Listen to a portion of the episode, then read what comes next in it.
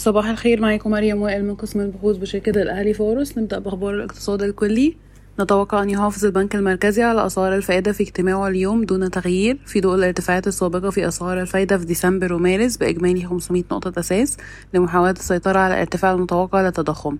بالإضافة إلى ذلك سيكون رفع أسعار الفائدة مرتبط ارتباط وثيق بالحركة في سعر الصرف الرسمي وهو ما لا يتوقع حدوثه قبل الربع الرابع من عام 2023 من المتوقع أن تترك منظمة أوبك بلس للنفط الإنتاج عند المستويات الحالية عندما تجتمع غدا. وفقا لرويترز اتفق وزير التجارة المصري ونظيره التركي أمس على زيادة التجارة الثنائية بنسبة 50% إلى 15 مليار دولار خلال السنوات الخمس المقبلة خلال المحادثات في أنقرة. شكلت وزارة الكهرباء لجنة لدراسة عروض مقدمة من شركات هندية وصينية وألمانية وأمريكية لتوريد بطاريات لتخزين الكهرباء المنتجة من الطاقة المتجددة. خفضت مشتريات المصريين من السبائك والعملات الذهبية خلال الربع الثاني من العام الحالي بنسبة 214% على أساس سنوي إلى 10.4 طن. وفي النصف الأول من العام الحالي بلغت مشتريات المصريين من السبائك والعملات الذهبية 18.6 طن مقابل 19.2 طن في عام 2022 بأكمله. وافق مجلس الوزراء أمس على تخصيص ملياري جنيه إضافية للمرحلة السادسة من برنامج دعم الصادرات ليرتفع إجمالي المبلغ المخصص لهذه المرحلة إلى 12 مليار جنيه. اشترت الهيئة الأعمال السلع التموينية 300 ألف طن متري من القمح من روسيا و60 ألف طن متري أخرى من رومانيا في مناقصة دولية أمس. ننتقل لأخبار القطاعات والشركات. بحسب وسائل إعلام محلية حققت شركة طلعت مصطفى في النصف الأول من عام 2023 مبيعات بلغت 51 مليار جنيه. ومن المحتمل أن يشمل هذا الرقم ليس فقط مبيعات طلعت مصطفى ولكن أيضا المبيعات المقدمة للكيانات غير التابعة لمجموعة طلعت مصطفى والتي تتلقى عمولات عنها.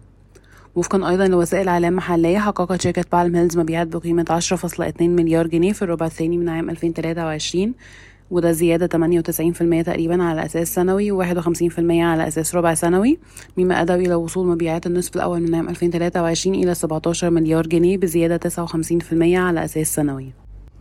أعلن منتجو الأسمدة المحليون عن تأثير قرار خفض الغاز الطبيعي بنسبة 20% على إنتاجهم فصرحت شركة المالية والصناعية أنها لا تتأثر بالخفض لأنها تنتج الأسمدة الفوسفاتية التي تعتمد على صخر الفوسفات كمدخل رئيسي ويستخدم الغاز الطبيعي بكمية صغيرة جدا كمصدر للوقود وأشارت كيما إلى أن إنتاج الأمونيا انخفض بنسبة 20% ومع ذلك تمكنت الشركة من التغلب على هذا الانخفاض بفضل توفر الأمونيا في مخزونها. وأعلنت شركة القابضة الكويتية أن شركتها أليكس فريت شهدت تأثرا طفيفا للغاية من القرار الذي لن يكون له تأثير على أدائها. من المقرر أن تبدأ شال حفر آبار جديدة للتنقيب على الغاز في مناطق امتيازها في البحر المتوسط في سبتمبر. وفقا للتجار المحليين ارتفعت أسعار الأسمدة في السوق بعد قرار خفض الغاز بمقدار 3500 جنيه للطن حتى الآن. سجل صافي الربح المجمع لبنك كريدي أجريكول للربع الثاني من عام 2023 مليار 290 مليون جنيه. وده ارتفاع 5% على أساس ربع سنوي و146% على أساس سنوي. النمو السنوي والربعي كان مدعوم بتحسن هوامش الربح ومكاسب قوية من معاملات الصرف الأجنبي ومعدل ضريبة فعلي أقل.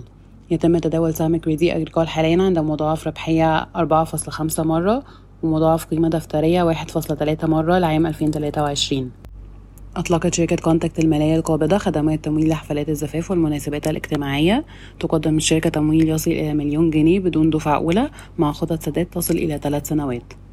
سجلت شركة مصر بني سويف للأسمنت أرباحا قدرها 43 مليون جنيه في الربع الثاني من عام 2023 مقارنة بخسارة صافية قدرها 3 مليون جنيه في الربع الثاني من عام 2022 وأقل بنسبة 29% عن الربع الأول من عام 2023 مما أدى إلى وصول صافي أرباح النصف الأول من عام 2023 إلى 105 مليون جنيه بزيادة 135% على أساس سنوي.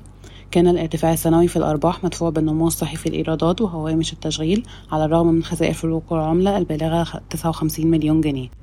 يتم تداول السهم حاليا عند مضاعف ربحية العام 2023 4.9 مرة و EV to EBITDA 4 مرات و EV per طن 579 جنيه. تنتظر وزارة النقل رد وزارة المالية على توفير مبلغ بقيمة 10 مليار جنيه للمقاولين العاملين في مشروعات قيد الإنجاز بحسب وسائل إعلام محلية. تدرس شركة المتحدة للصيادلة عدة بدائل لإعادة الهيكلة المالية لتوفير السيولة اللازمة لعمليات الشركة. شكرا ويوم سعيد.